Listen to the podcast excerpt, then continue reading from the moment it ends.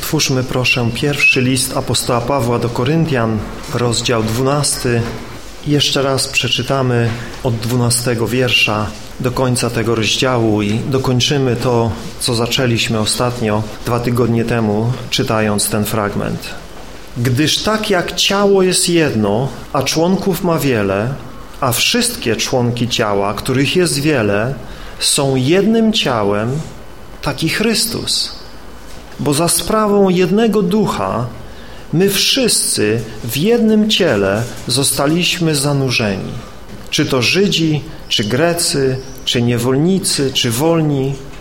I wszyscy zostaliśmy napojeni w jednym duchu. Albowiem ciało nie jest jednym członkiem, ale wieloma. Jeśli by nawet powiedziała stopa, ponieważ nie jestem ręką, nie należę do tego ciała. Czy dlatego nie jest z tego ciała? A jeśli by powiedziało ucho, ponieważ nie jestem okiem, nie należę do tego ciała. Czyż dlatego nie jest z tego ciała? Jeśli całe ciało byłoby okiem, gdzie byłby słuch? A jeśli całe ciało byłoby słuchem, gdzie byłoby powonienie? A tymczasem Bóg umieścił członki, każdy jeden z nich w ciele, tak jak chciał. A jeśli wszystkie byłyby jednym członkiem, gdzie byłoby ciało? A teraz wprawdzie członków jest wiele, ale ciało jest jedno.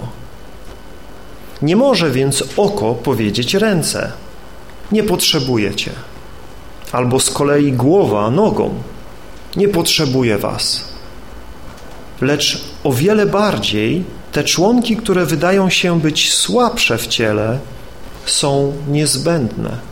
A te, które uważamy za mniej szacowne w ciele, te otaczamy większym szacunkiem, a naszym intymnym członkom okazujemy większą przyzwoitość.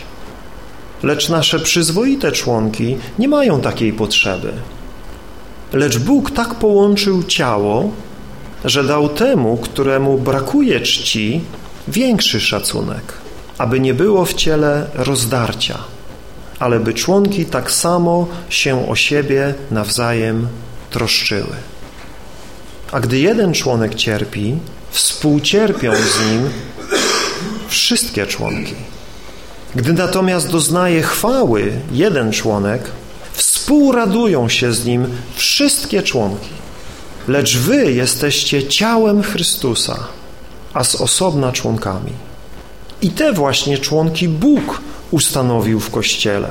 Najpierw apostołów, po drugie proroków, po trzecie nauczycieli, potem mających przejawy mocy, potem dary uzdrawiania, pomocy, kierowania, różne rodzaje języków. Czy wszyscy są apostołami? Czy wszyscy prorokami? Czy wszyscy nauczycielami? Czy wszyscy mają przejawy mocy? Czy wszyscy mają dary uzdrowień? Czy wszyscy mówią innymi językami? Czy wszyscy je tłumaczą? Starajcie się usilnie o znaczniejsze dary, a ja wam lepszą ukazuję drogę. Jak już wcześniej zauważyliśmy, apostoł Paweł ilustruje jedność w różnorodności, odwołując się do ludzkiego ciała, funkcjonowania ludzkiego ciała w jego złożoności, odmienności i różnych funkcjach jego poszczególnych członków. Boża koncepcja Kościoła to nie jednolity organ, ale ciało złożone z wielu organów wykonujących różnorodne funkcje. Tak jak ostatnio powiedzieliśmy, każdy jeden członek Kościoła ma zadania do wykonania i stosownie do tego udzielone przez Boga obdarowanie. Wiersz 18 mówi nam, że sam Bóg umieścił członki w ciele tak, jak chciał. Widzimy, że to Bóg umieścił nas w ciele Chrystusa tam, gdzie chciał i to On zdecydował, jaką służbę nam powierzyć. I stosownie do tej służby, którą nam dał w Kościele, obdarzył nas tym, czego potrzebujemy do wykonania tej służby.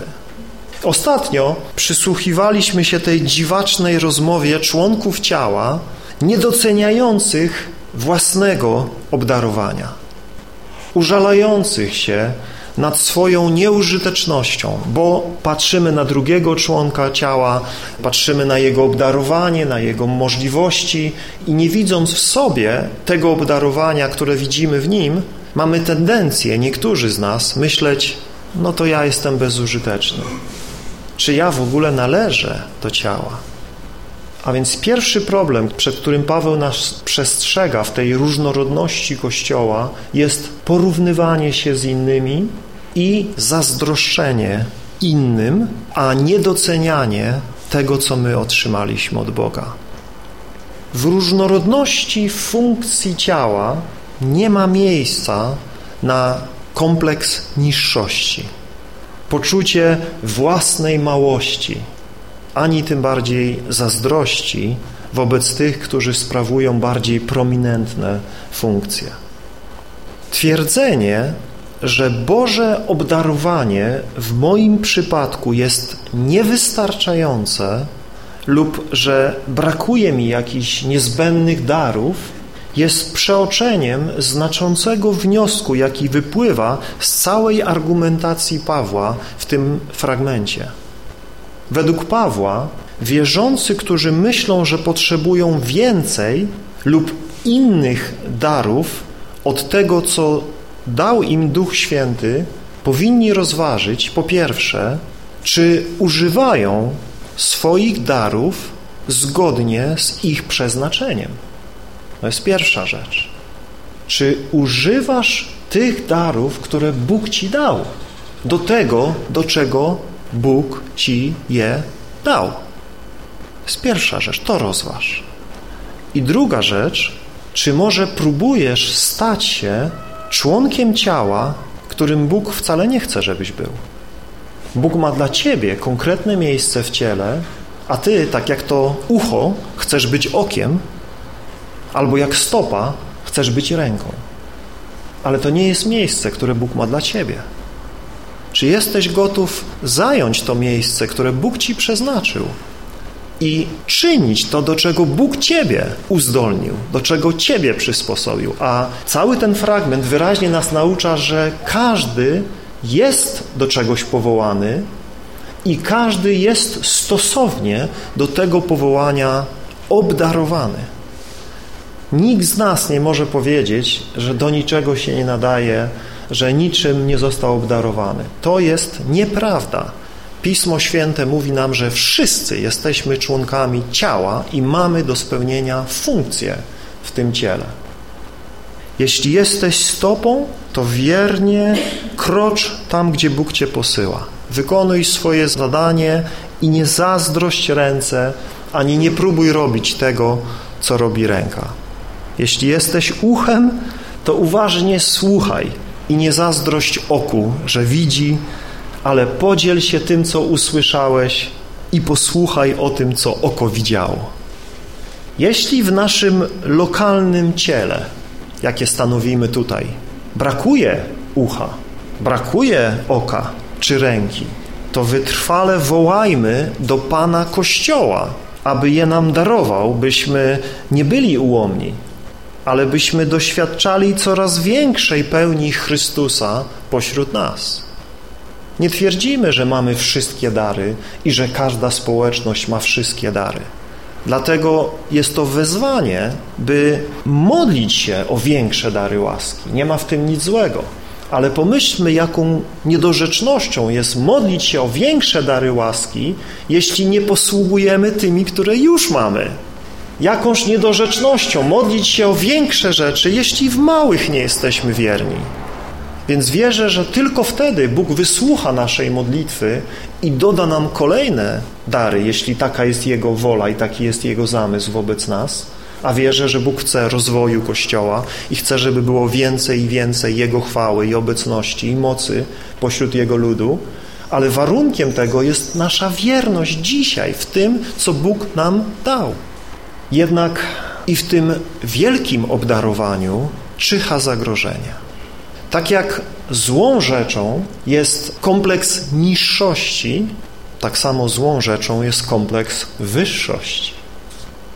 Tak jak możemy nie doceniać naszego obdarowania i naszej służby, tak samo możemy nie doceniać obdarowania innych i ich posługi.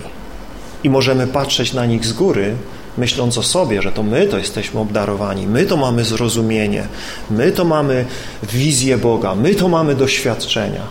A ci inni, co oni mają do zaprezentowania? Co oni mają do dania? Paweł mówi w tym fragmencie o obu postawach, zauważcie.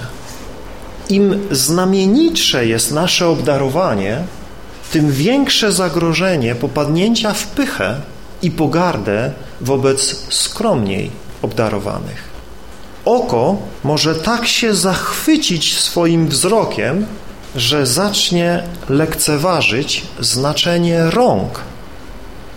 Głowa może tak się zadufać swoim rozumem, że zacznie lekceważyć znaczenie nóg. O tym mówi wiersz 21. Nie może oko powiedzieć ręce, nie potrzebuje Ciebie. Albo z kolei głowa nogą, nie potrzebuje Was. Widzicie tą postawę? Tu jest ta postawa zarozumialstwa. Ja jestem ważny, moja funkcja jest ważna, moje dary są ważne, a inni eh, nie potrzebuję ich. Jak są, to są, nie ma ich, to nie ma. Nie ma problemu. To jest drugie niebezpieczeństwo w tej różnorodności, którą Bóg nam dał. Tylko dlatego, że ktoś nie posiada darów, które nam zostały dane, nie wykonuje tej samej funkcji, która nam została powierzona, nie mamy powodu, by ich nie doceniać czy uważać za bezużytecznych. Nie możemy też przymuszać innych, żeby robili to, do czego Duch Święty nas przymusza. Jakże ważne jest, bracia i siostry, by każdy z nas poddawał się prowadzeniu Ducha Świętego. Apostoł Paweł cały ten fragment od tego zaczyna, mówiąc, że my wszyscy, chociaż jesteśmy różni, chociaż sprawujemy różne funkcje, zostaliśmy napojeni tym samym duchem, który nie działa tak samo w nas, ale w różny sposób w nas działa. Dlatego niezwykle jest ważne to, byśmy nie oczekiwali od innych, że będą robili dokładnie to, co my i tak jak my. Z tym się też spotykamy w Kościele. Róbmy swoje i zachęcajmy innych, by robili to, do czego Bóg ich powołał i do czego Bóg ich przysposobił. Nie narzucajmy naszego sposobu myślenia i naszego sposobu działania innym. Nie próbujmy przejmować kontroli nad nimi, gdyż nawet sam Bóg tego nie robi. Duch Święty nie zniewala człowieka. Demony zniewalają człowieka. Jeśli jakiś człowiek mówi wam, że pod wpływem Ducha Świętego musiał coś zrobić, prawdopodobnie nie był pod wpływem Ducha Świętego, ale innego ducha. Duch Święty prowadzi, Duch Święty uzdalnia, Duch Święty pobudza, ale nigdy nie zniewala człowieka. Tylko demony zniewalają ludzi. Jeśli ludzie trzęsą się w niekontrolowany sposób, jeśli wypowiadają słowa, nad którymi nie są w stanie zapanować, nie są pod wpływem ducha. W czternastym rozdziale apostoł Paweł wyraźnie mówi, że duchy proroków są poddane prorokom. To nie jest tak, że musiałeś to wykrzyczeć, to nie jest tak, że musiałeś tak się zachowywać, to nie jest tak, że musiałeś coś zrobić, Chyba, że mówisz o przymusie ducha, o tym, że duch cię do tego prowadził, wtedy tak. Ale jeśli mówisz, że nie miałeś kontroli nad sobą, że coś przejęło nad tobą kontrolę, obawiam się, że nie byłeś pod wpływem Ducha Świętego. Bóg w ten sposób nie działa w życiu człowieka. Od samego początku Bóg dał człowiekowi możliwość wyboru i Bóg tego nigdy nam nie odebrał. Do samego końca musimy mówić Bogu tak i mamy wolność, by powiedzieć nie. I Bóg nas nie zmusi, żebyśmy mówili tak. Na tym polega Jego miłość do nas i na tym polega nasza miłość do Niego. że my mówimy tak, Boże mój. Ufamy Mu i z ufnością oddajemy Mu siebie w posłuszeństwo. Ale On nas nigdy nie zniewala. Duch Święty kieruje i uzdalnia do działania. Tych, którzy z ochotą oddają się do Jego dyspozycji. I dlatego my, bracia, siostry, nie ważmy się, nie ważmy się przejmować kompetencji Ducha Świętego, aby kierować czy rządzić naszymi braćmi czy siostrami. Musimy ufać, że tak jak Duch Święty działa w moim życiu, tak samo działa w życiu brata i siostry. I do tego musimy się wzajemnie zachęcać, aby temu działaniu ducha się poddać. Nie mojemu działaniu, nie mojej wizji, nie mojemu prowadzeniu, ale prowadzeniu ducha w Twoim życiu ku pożytkowi całego ciała. Winniśmy się wzajemnie zachęcać, bracia, siostry, pobudzać, czasami karcić i napominać ale nigdy, przenigdy nie wolno nam narzucać bratu, siostrze naszej woli i naszego zrozumienia. To jest rola ducha. On przekonuje, on prowadzi. I to musimy mieć totalne zaufanie. Kiedy my wchodzimy w kompetencje Ducha Świętego, obawiam się, że bardzo go zasmucamy kiedy nie ufamy Jego możliwości dotarcia głębiej niż my jesteśmy w stanie dotrzeć z naszą argumentacją i z naszą perswazją i z naszymi próbami kontroli. Tego się wystrzegajmy, bracia, siostry. Musimy ufać Bogu, który jest ponad wszystkim i ponad wszystkimi i działa we wszystkich. Ufajmy Bogu. Owszem, tak jak mówię, zachęcajmy się, tak, pobudzajmy się, napominajmy się jak najbardziej, ale nigdy nie przejmujmy kontroli. Nigdy nie stawajmy się panami nad cudzą wiarą. Jest tylko jeden Pan. I o tym pamiętajmy. I my wszyscy jesteśmy Jego sługami. Wszyscy jesteśmy pod Jego przewodnictwem i pod Jego zwierzchnictwem. I ten Pan jest lepszy od jakiegokolwiek ziemskiego Pana. Nie ma w ogóle porównania między tym Panem a tymi panami, którzy siebie w Kościele postawili jako panowie i chcą rządzić innymi, chcą decydować za innych i chcą, żeby ludzie ślepo byli w nich patrzeni i wykonywali ich wolę. Kościół nie jest korporacją z licznymi poziomami władzy, chociaż niestety niektóre denominacje to przypominają. Ale Kościół nie jest korporacją z licznymi poziomami władzy, ale Kościół, jak widzimy, to żywy organizm, w którym każdy pojedynczy organ ma bezpośredni kontakt z głową, od której czerpie życie i przyjmuje polecenia. Rozumiejmy, że się dramatycznie różnimy. Jesteśmy na różnym poziomie duchowego rozwoju. Mamy odmienne dary i Bóg przeznaczył nas do różnych zadań.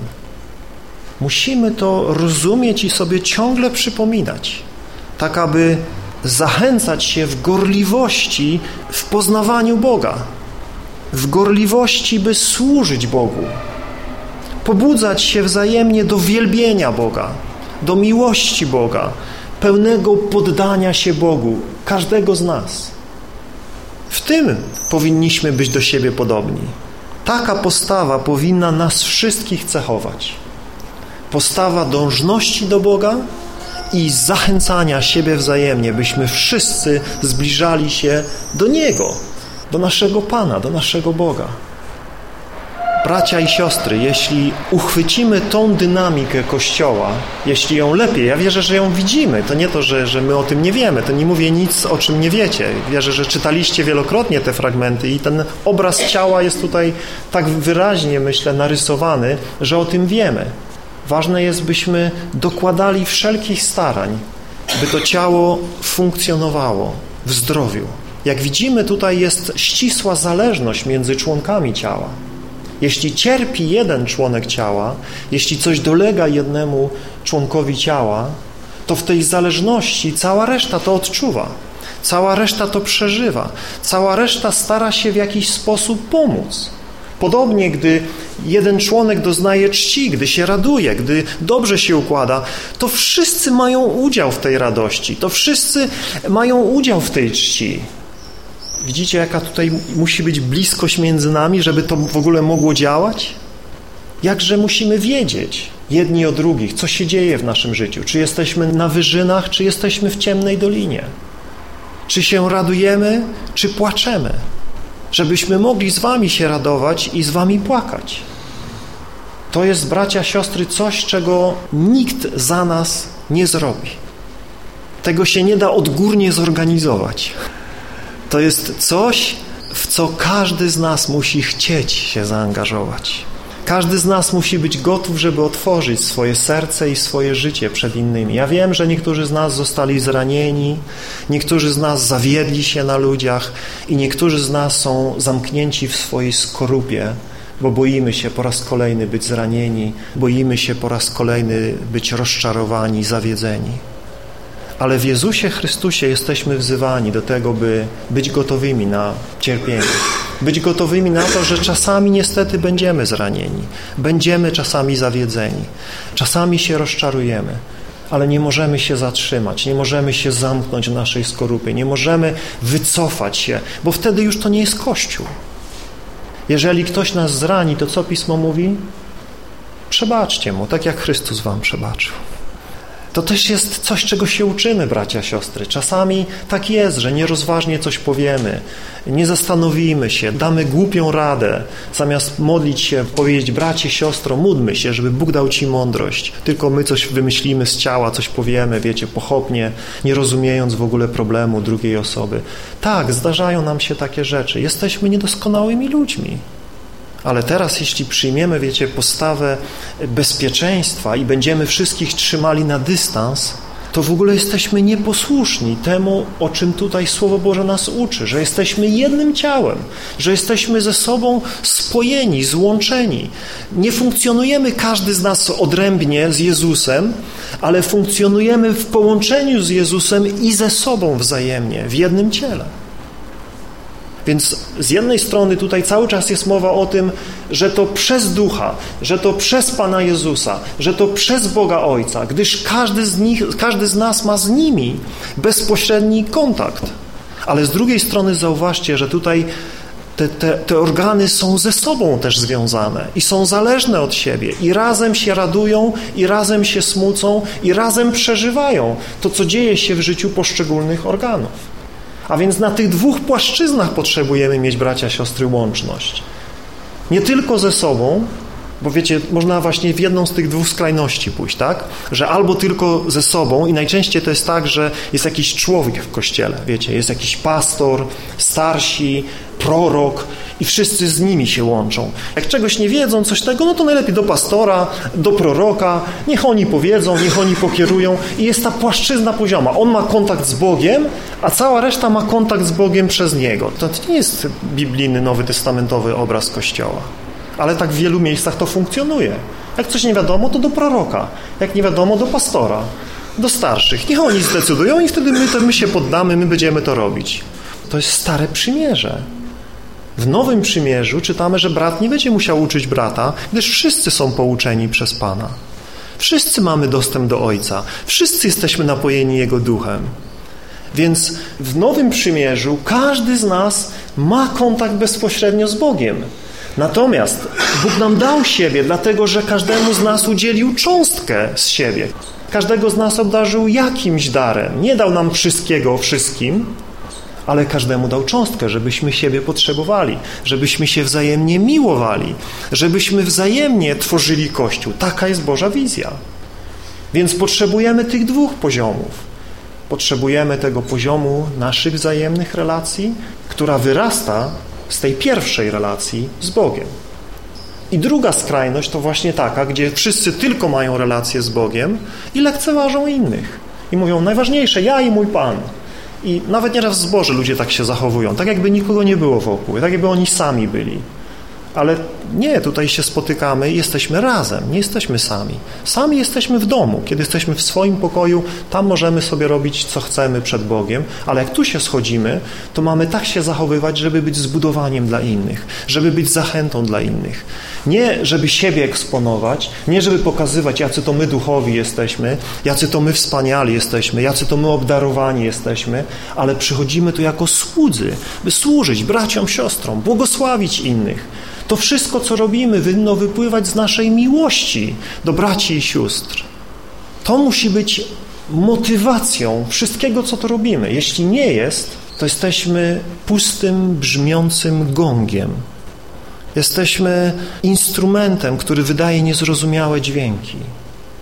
O tym mówi cały trzynasty rozdział. Zobaczcie, że Paweł podzielił ten cały problem funkcjonowania duchowych darów w Kościele, dwunasty i czternasty rozdział, zawarł w środku ten cały rozdział mówiący o miłości, bez której, mówi, duchowe dary są bez znaczenia, bez wartości.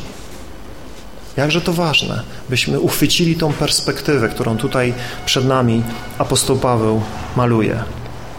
Apostoł Paweł, odwołując się do analogii ciała, dowodzi również, że ta różnorodność członków sięga głębiej niż tylko funkcjonalność.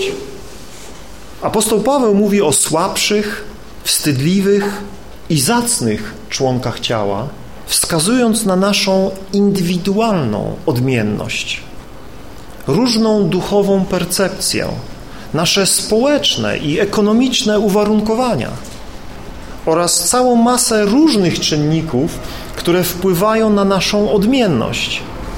W tamtym czasie pierwszego kościoła było bardzo wielu niewolników i ludzi skrajnie biednych, żebraków, ludzi żyjących w skrajnej nędzy. Kościół w znaczącej większości z takich ludzi się składał. Niewielu było ludzi bogatych, niewielu było ludzi wykształconych, niewielu ludzi z jakichś wyższych sfer, o tym wyraźnie czytamy.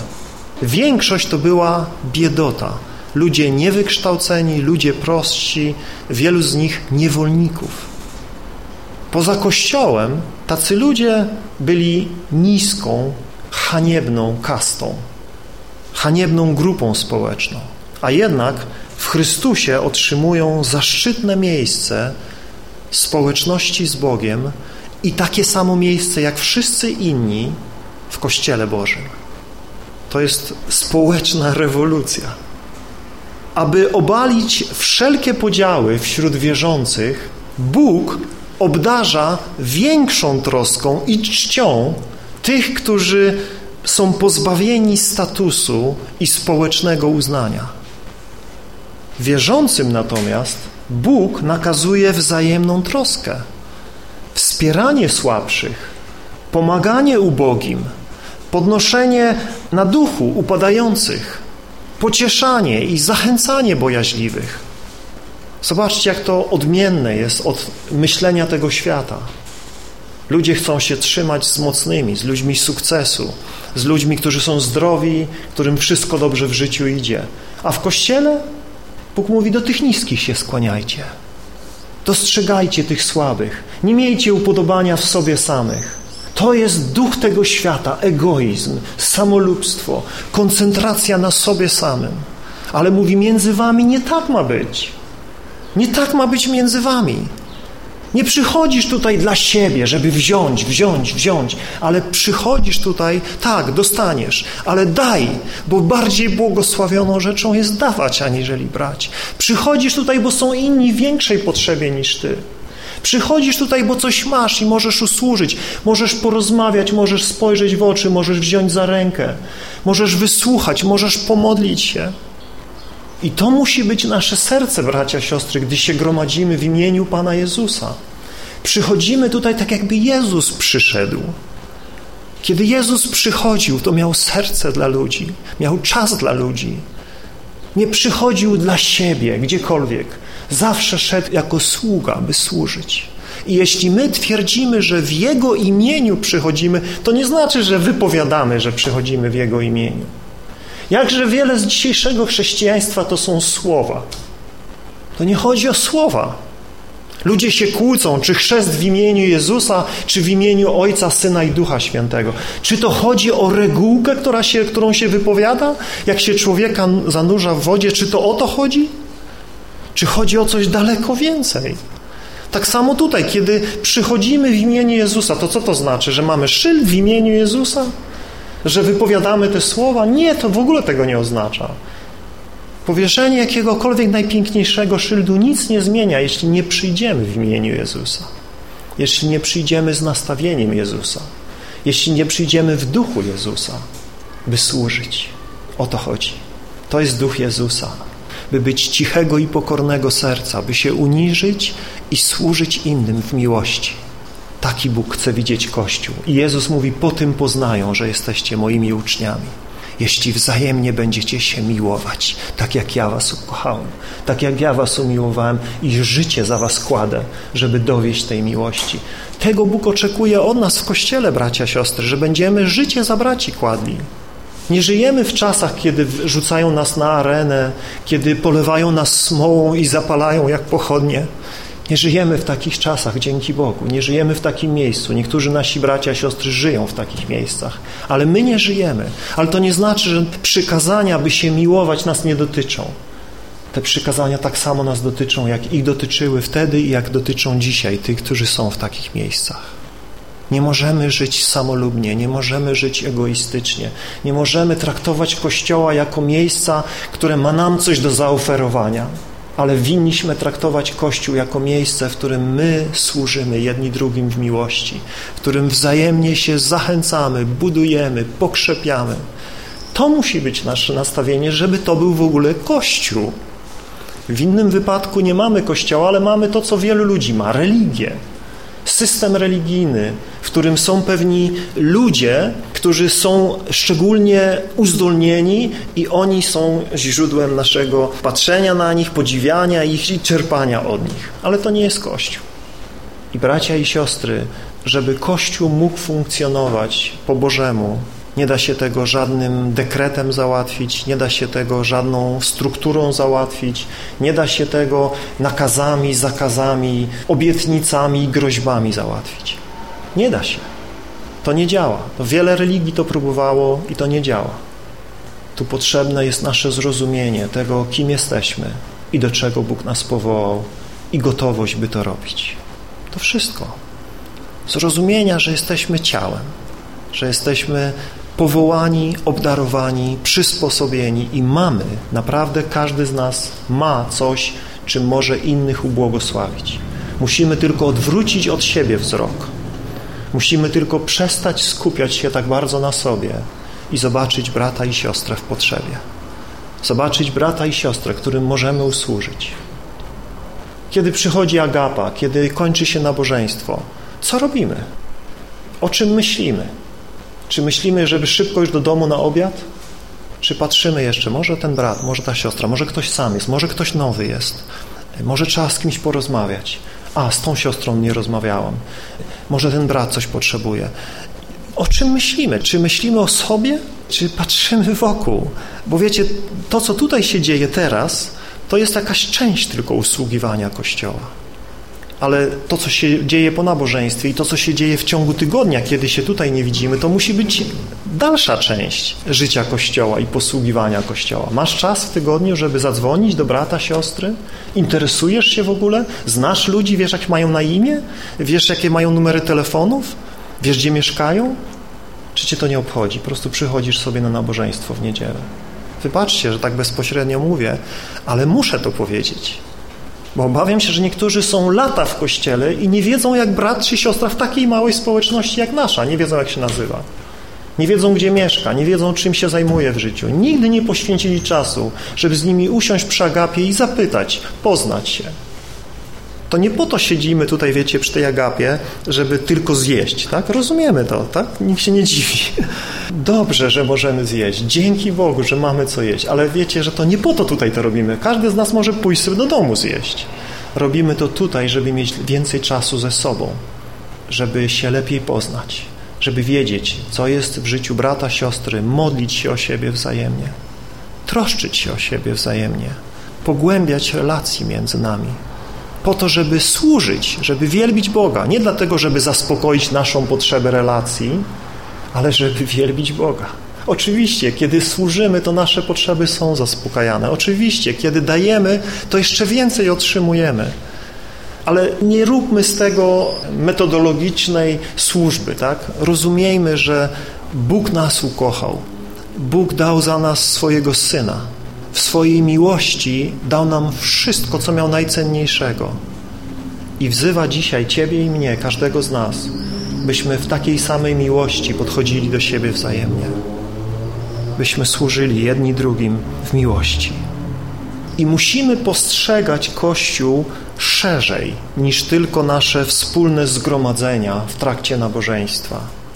Nasze posługiwanie nie może się ograniczać do tego, co się dzieje na nabożeństwie, ale winniśmy dokładać starań, by znać braci i siostry i służyć jedni drugim w miłości. To jest Kościół. Apostoł Paweł kończy ten fragment wezwaniem do usilnego starania o większe dary łaski, wskazując doskonałą drogę miłości, bez której nawet największe obdarowanie jest bezużyteczne. I obawiam się, że wielu współczesnych wierzących kładzie nadmierny akcent na dary ducha, a niedostateczny nacisk na owoc ducha, bez którego dary zamieniają się w narzędzie pogromu Kościoła. Źródło zamieszania, podziałów, kłótni i sporów. Zobaczcie, jakie jest żniwo ruchu zielonoświątkowego. Odnowy doświadczenia Ducha Świętego. Od samego początku. Ile kłótni, ile podziałów, ile ekscesów. Dlaczego? Wierzę, że w wielkiej mierze dlatego, że zabrakło akcentu położonego na miłość. Zabrakło akcentu położonego na owoc ducha w życiu wierzących. Była tak wielka fascynacja darami i przeżyciami i doświadczeniami, że kwestia charakteru i owocu została zepchnięta na drugi plan. I często ludzie, którzy w ogóle nie mieli charakteru, ludzie, którzy w ogóle nie byli nacechowani pokorą i miłością, usługiwali w kościołach, dlatego że rzekomo mieli jakieś cudowne dary. Ale co Jezus powiedział? Po darach ich poznacie? Nie. Jezus powiedział, po owocach ich poznacie. Po owocach ich poznacie. Więcej powiedział, wielu przyjdzie w moim imieniu i będą czynić wielkie znaki i wielkie cuda. Ale Jezus mówi, baczcie, nie dajcie się oszukać, nie dajcie się zwieść. Patrzcie na owoc. Patrzcie na życie tych ludzi. Co nimi motywuje? Co nimi kieruje? Czy są to ludzie, którzy chcą żyć dostatnio i chcą was łupić jak wilki w owczych skórach, którzy przychodzą, bo są zainteresowani tym, co i wy im dacie? Ilu jest takich? Żyją w luksusach, żyją ponad stan. Ale to słudzy Boży, oszuści, zwodziciele, kłamcy. Ale oni tak Panu Bogu służą, tak, żeby tylko kolejne pieniążki leciały na ich konto. Oni tak słodko wam powiedzą wszystko, co chcecie, tylko dajcie, dajcie, dajcie, dajcie, dajcie, dajcie. Ilu takich jest? I ludzie są ślepi, bo oni cuda czynią, bo oni wielkie rzeczy czynią, bo oni wielkie ewangelizacje organizują, oni wielką służbę mają. A Jezus mówi, strzeżcie się takich wilków, którzy przychodzą, żeby was łupić, którzy przychodzą, bo są zainteresowani waszymi pieniędzmi, a nie waszymi duszami. To nie są pasterze, to są najemnicy, to są ludzie, którzy myślą, że z pobożności można ciągnąć zyski. Są ludzie chciwi. I takich Jezus mówi, strzeżcie się. I strzeżcie się wszystkich innych, którzy nie wykazują owocu ducha, którzy tylko mówią piękne, elokwentne słowa, którzy rzekomo mają jakieś dary, ale spróbuj z nim porozmawiać, spróbuj się do niego dostać. Spróbuj spędzić z nim trochę czasu. Wielu z nich w ogóle nie ma czasu dla ciebie, jesteś nikim dla nich. Musisz przez sekretarkę, musisz jakieś listy pisać, może kogoś ci wyśle, że tam ktoś coś ci odpisze, ale sam z tobą dla ciebie nie będzie miał czasu. Czy Jezus tak postępował? Nie, Jezus był dostępny dla zwykłych ludzi, dla prostych ludzi. A jakże wielu dzisiaj z tych wielkich jest zupełnie niedostępnych. Nigdy się do nich nie dostaniecie. Są tak obwarowani. I my, bracia, siostry, musimy się strzec tej mentalności w Kościele. Mentalności ludzi, którzy coś znaczą, którzy są wielcy, którzy, wiecie, mają być otoczeni zachwytem i podziwem. Tego się musimy strzec. My jesteśmy sługami i co, do, co, co więcej, nieużytecznymi sługami. Choćbyśmy nie wiadomo jak się starali, nasza służba nigdy nie jest doskonała. Zawsze jest coś jeszcze do poprawy, zawsze jeszcze jest coś do rozwoju, zawsze jeszcze jest coś do zmiany. Więc musimy kłaść nacisk tam, gdzie Słowo Boże kładzie nacisk. Pragnijmy, zabiegajmy o większe dary ducha, ale tylko wtedy, kiedy będzie nacechowane nasze życie miłością. Tylko wtedy będziemy użyteczni w tych darach. Jeśli Bóg dałby nam dary, a nie bylibyśmy dojrzali w miłości, narobimy szkody, narobimy bałaganu, narobimy chaosu. I dokładnie to się działo w Koryncie. Oni byli duchowymi dziećmi, ale wydaje się, że mieli różnego rodzaju dary, albo przynajmniej wydawało im się, że mają. Wszyscy mieli, bo tam jak zobaczymy w 14 rozdziale, to Paweł tak naprawdę im wcale tam nie mówi, że oni wszyscy mają, ale ich krytykuje, że oni przychodzą i mówią, wszyscy mamy języki, wszyscy mamy prorokowanie, wszyscy, oni wszyscy wszystko mieli. I na nabożeństwie był chaos, było zamieszanie. Nie było porządku, bo oni wszyscy chcieli usługiwać, ale nie mieli miłości. To jest poważny problem, bracia i siostry.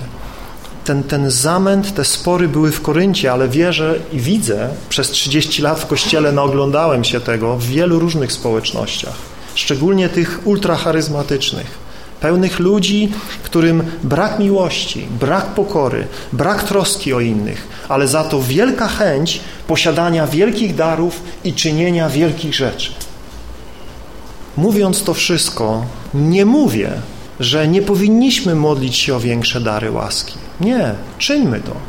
Pragnijmy rozwoju, módlmy się o większe dary łaski, ale pamiętając, że tylko wtedy będziemy użyteczni, kiedy motywuje nas miłość, kiedy jesteśmy wierni w posłudze tym, czym Bóg już nas łaskawie obdarował kiedy jesteśmy wdzięczni za to, co dzisiaj mamy, a nie narzekamy, a nie kręcimy nosem, że to nie to, że dopiero jak będzie to, jak będzie tamto, to dopiero będzie Kościół, to dopiero będzie wtedy się działo.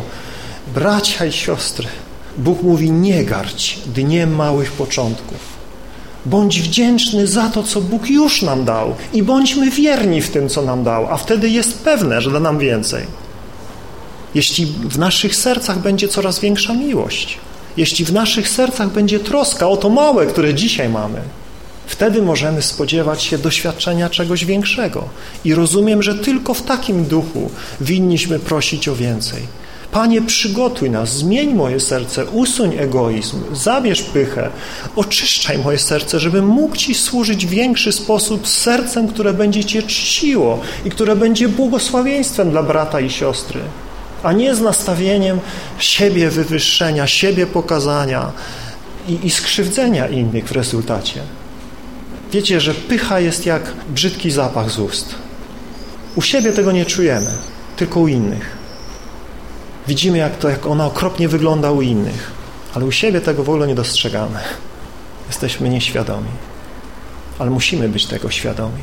Tego wielkiego wroga, egoizmu, samolubstwa, koncentrowania uwagi na sobie. Musimy być tego świadomi. Musimy z tym walczyć, musimy z tego pokutować, żeby Bóg mógł nas lepiej używać, żeby mógł nas bardziej obdarzać, żeby mógł pośród nas się uwielbić. Na koniec powiem tylko tyle, że jeśli lekceważymy to, co już otrzymaliśmy, jeśli dobrze nie rozporządzamy tym, co już jest w naszych rękach, nie oczekujmy, że Bóg da nam więcej. Zasadą Bożego Królestwa jest stopniowe błogosławieństwo. Stosownie do wierności w rozporządzaniu tym, czym Bóg nas łaskawie obdarzył. Niechaj Pan Kościoła prowadzi nas swoją doskonałą drogą miłości. Powstańmy do modlitwy, proszę.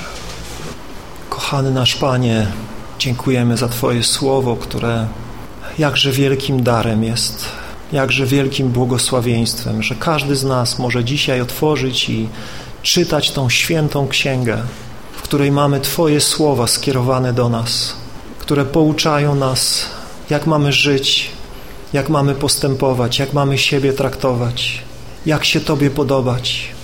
Nie pozostawiłeś nas na pastwę filozofów, Nie pozostawiłeś nas na pastwę religijnych ludzi, którzy w swojej religijnej ambicji szukają zwolenników i gromadzą innych wokół siebie i swoich idei. Dziękujemy za Twoje słowo, które uczy nas Twojej drogi. Dziękujemy za Pana Jezusa, który przyszedł na tą ziemię i pokazał nam, jak żyć, który pokazał, jak służyć, jak podobać się Tobie, Ojcze, który nie miał upodobania w sobie samym, ale który wyparł się wszystkiego i stał się sługą wszystkich, który uniżył się i poszedł na krzyż, oddając życie w miłości za nas. Jakże pragniemy wstępować w Jego ślady, jakże pragniemy uczyć się od naszego Pana.